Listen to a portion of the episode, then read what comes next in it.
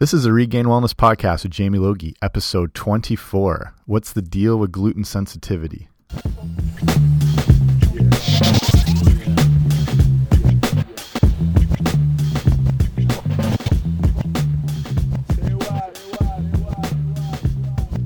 Hey, everyone in podcast land. Thank you for joining me again. This is the Regained Wellness Podcast. This is episode 24, two dozen.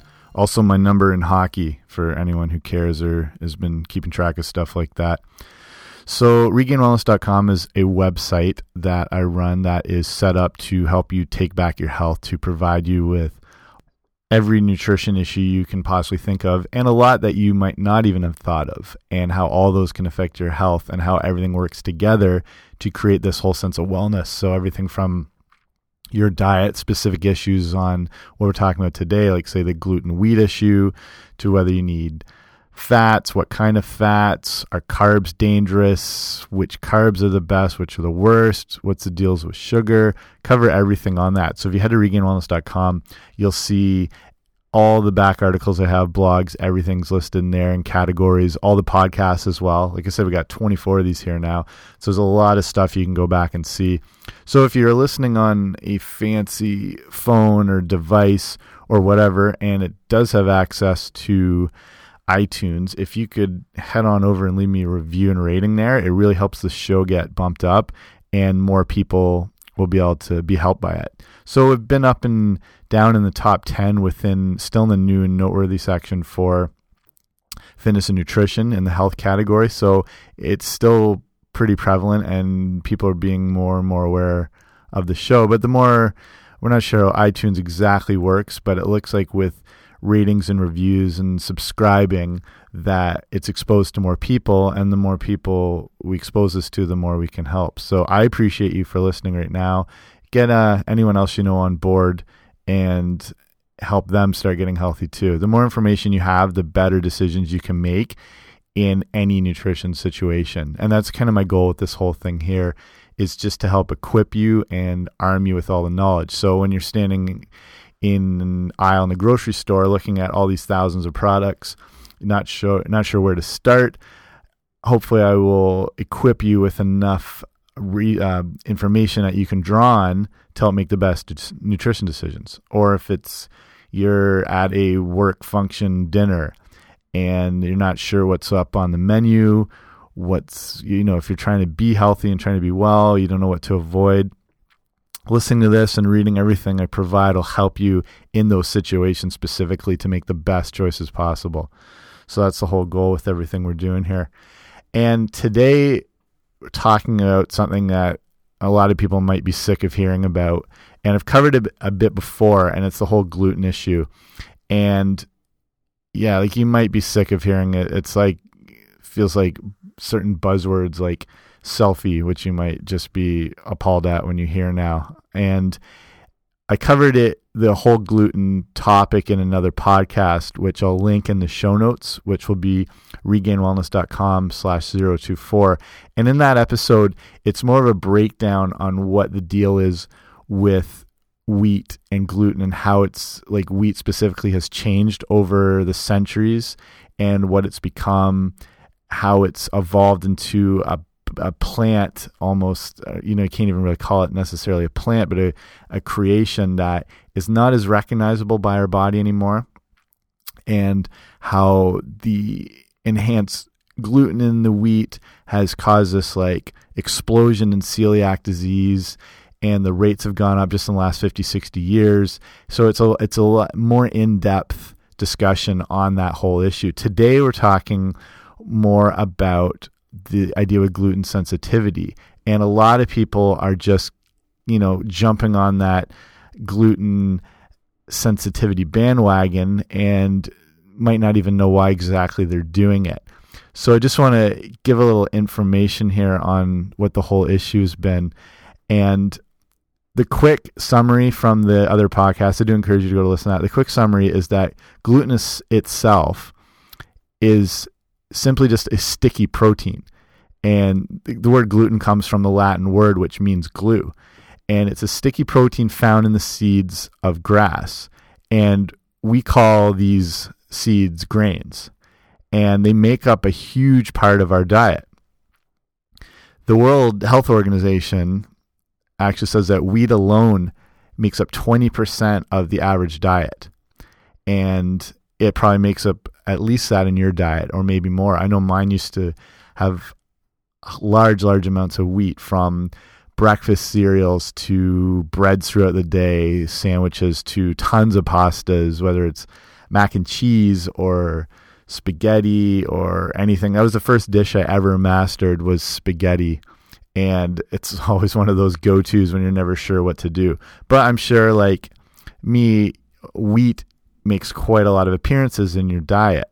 So it's been around for quite a while and has been a staple of mankind since we really become mankind. And the when we evolved from more of a hunter gatherer lifestyle into a farming, agriculture, grain domesticating people, it's when a lot of our society changed and our civilization changed. And the formation of societies was because of agriculture and farming and wheat, and these areas had to be developed, and different tribes would form, and they, you know, consider that a rise of a lot of the spreading of a lot of diseases that occurred was because now people were living more in closer proximity because their lives revolved around this new agriculture. And gluten's not just in wheat, which is what we primarily focus on here, but it's in, you know, barley, rice, it's even in things like rye and corn and stuff like that. The gluten concentration in grains is really the main concern here, and especially wheat, again, like I said, because it's the most available, it's the most readily consumed form of gluten. So it's really the, the focus here. So, what's causing all these problems now when we've been eating wheat for thousands of years and like the wheat of the Bible? And why are all these issues coming up with celiac disease and autoimmunity and things like that?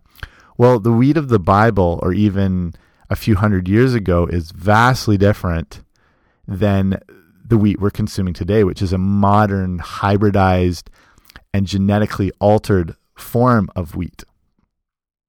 It's honestly an entirely different plant.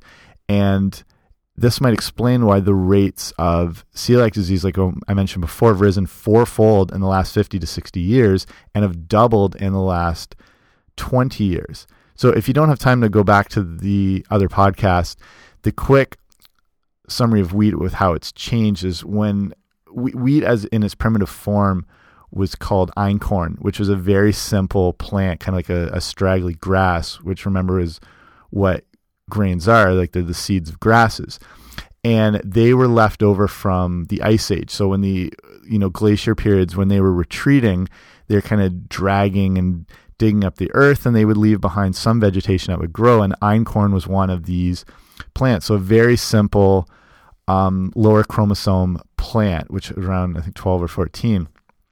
The wheat of the Bible is called emmer wheat, which has advanced a little more. It's now the double amount of chromosomes, but still relatively simple. And so it does not have these higher concentrations of gluten and other other things we'll get to later. The wheat we have today has been more of a genetically altered form that was really investigated in the late 50s and 60s by a guy named Dr. Norman Borlaug. And he was a geneticist who was looking at the issue of the population explosion all over the world and how are all these people going to be fed. So the noble intention was to research creating new forms of plants that would have a higher yield. And that's what they did with wheat is through a lot of technical terms like uh, things called like back crossing and genetic mutations and everything like that, they were able to create a plant that had a higher yield. And they made it even it became a, a smaller type plant. When you think of wheat, you think of the the whole amber waves of grain and all that and tall wheat is, you know, higher than your head. But wheat now with these kind of created versions. They call it the semi dwarf variant, and it's only two, maybe two and a half feet high. It's not what it used to be, and they've had to actually engineer the the stalks thicker to keep up the larger seed head that's on top of it, which it never used to be like. And it, it was originally where, say, farmers were growing you know, eight bushels an acre. With these new forms of this semi dwarf variant of wheat, they are now able to grow 80 bushels per acre. So if you're a farmer and you're growing these simple forms, whatever, and you're looking across the other fields and seeing them growing that much more, making that much more money, obviously you'd want to jump on board with that. And again, this is that noble intention idea that they were creating a larger quantity of foods and plants that were able to help feed this growing population around the world. So, when we're talking about the issue of gluten sensitivity, there's some new studies in the last few months or whatever it came up that said that sensitive sensitivity to gluten might not be a real thing as subjects who were administered gluten through double blind trials did not suffer from the effects of um, they were looking at people who had irritable bowel syndrome which can be one of those effects that comes from autoimmunity and and exposure to gluten over too long a period. So they found that they were not suffering the effects of their irritable irritable bowel syndrome like they had expected. So this was enough that everyone was, oh, gluten sens- sensitivity is a myth from these like you know very limited studies. So people who are not buying into this gluten free hype, you know, were kind of claiming victory over people who were just you know saying I'm getting on board with this, and I'm not sure why. And I think it's just a reason to, you know, expose people for not being genuine or being fake or you know just doing that bandwagon thing. But there were, however, some troubles with these studies. And first off, to see the real danger of gluten, you have to look really deep into the gut and to see the actual breakdown of the small intestine walls. And this is where the damage of gluten can happen. It can break down within the small intestine. There's a lot of these finger like projections called villi and microvilli, and they absorb various nutrients and amino acids, and they're also have their own little kind of like a docking station where they receive these things. And gluten can break these down. So think of them as kind of like shags on a shag carpet. These villi and microvilli, these little finger like projections, they over time can slowly be broken down by gluten and you're kind of left with a flat subfloor. And then that creates huge problems with digestion and, and absorption and real discomfort and real um, bloating and gas and cramping, which are kind of almost like the mild effects compared to how much this can this condition can evolve. So, like I said, with these studies, they're just looking at various symptoms. When to see the real damage, you have to look at the that breakdown of the small intestinal walls. And again, this can take decades to show up, like the slow breakdown over time. The studies were based around people reporting how they feel. You know, that old, if you're, you know, indicating pain threshold, like how do you feel on a, you know, one to 10, what's your pain at? Seven. This is kind of thing they were basing the studies on how people said they felt, which a lot of factors can be involved in how they're actually feeling. This can clearly offer some feedback, but does not reveal what's happening happening internally. Like I said, gluten exposure can lead to inflammation in the body, and that's not always going to present itself in the symptoms I mentioned before, like cramps or digestion problems. Inflammation is like a ticking time bomb that then leads to that autoimmunity and a host of diseases. It's essentially when your body is turning on itself. So also with these with these studies, probably most concerning is how the test subjects were administered gluten. It was given to them as a purified wheat gluten supplement of 16 grams, kind of like a, a ground up sort of flour, but only the gluten was extracted out of it. The big the big problem here is we don't eat gluten. We eat wheat. We eat rye. We eat barley. We don't eat it in its isolated extracted compound. We eat food. So, in failing to administer like full wheat, the study failed to acknowledge the way people consume it on a regular basis.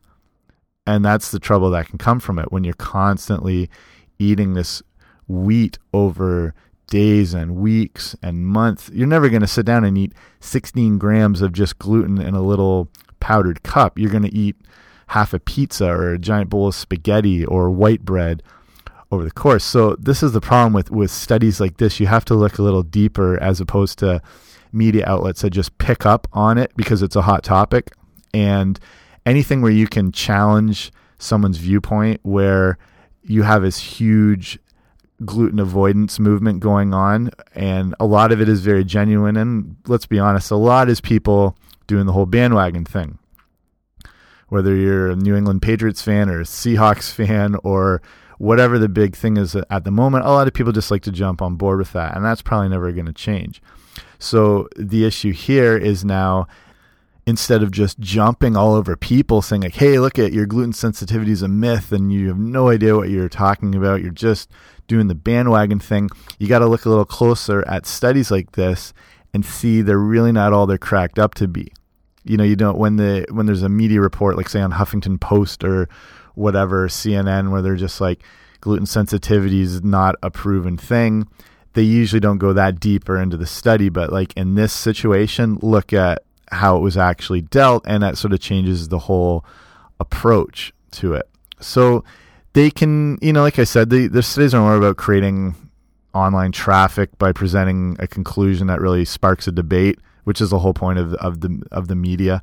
Either side will probably not be convinced no matter what the findings in situations like this. But what's most important, I think, is to continue to do your own research and expose yourself to as many ideas and insights as possible. And that's, like I said at the top of the show, that's what I hope to do with this podcast, with the blog, everything at regainedwellness.com, is to expose you to more ideas, present what's out there, give you a jumping off point, and then hopefully encourage you to keep doing your more research and digging deeper. So, say with this uh, this gluten sensitivity study with the irritable bowel syndrome, you might have taken it just at face value and like, oh, so it's just a bunch of hoo ha. And if you had maybe looked deeper, you would have seen, hmm, this maybe isn't a legitimate test compared to how other real trials and studies are done over years and maybe even decades. So, whatever the issue is, don't take it at face value when you see it. Take it kind of with a grain of salt and look a little deeper into it. And if I can help you with that, that's, yeah, that's my job done. And that's basically all I have to say today about the it's not as much you know about the gluten sensitivity it's about taking um, research and headlines and and looking beyond them and educating yourself as best as possible. This is just a very good example because i think it's relevant and i think it applies. So i want to thank you for listening wherever you are driving biking hiking parachuting or wherever your mobile device goes with you i can go with you too and that's just nice and we can spend all this time together. So thanks for joining me today. Um, head over to regainedwellness.com. You can check me on Facebook if you're still liking the whole social media thing. I'm on it's uh, facebook.com slash regain wellness. Twitter, it's a good way to interact. I like to be involved there. I can post a lot of stuff easy. It's more of a real time um, back and forth. So that's the handle is at regain wellness. And if you have any questions or if you want to see different stuff covered on the show or things I can answer on the show or whole topics, you can write to the email address, which is info at regainedwellness.com. So, again, thanks for listening. I've um, got some good interviews coming up in the next week or so. And in the meantime, like I was saying, encourage you to do your own research to keep looking deeper. And when you're doing that, and also in your progression of your health, I like to say the idea is to keep moving forward, knowing it's not always going to be perfect, but keeping that progression idea. So it's the progress and not the perfection is what you want to strive towards. So I'll see you next time. Bye. Did I really say hoo ha back there? Okay, I might have to edit that out. See you later.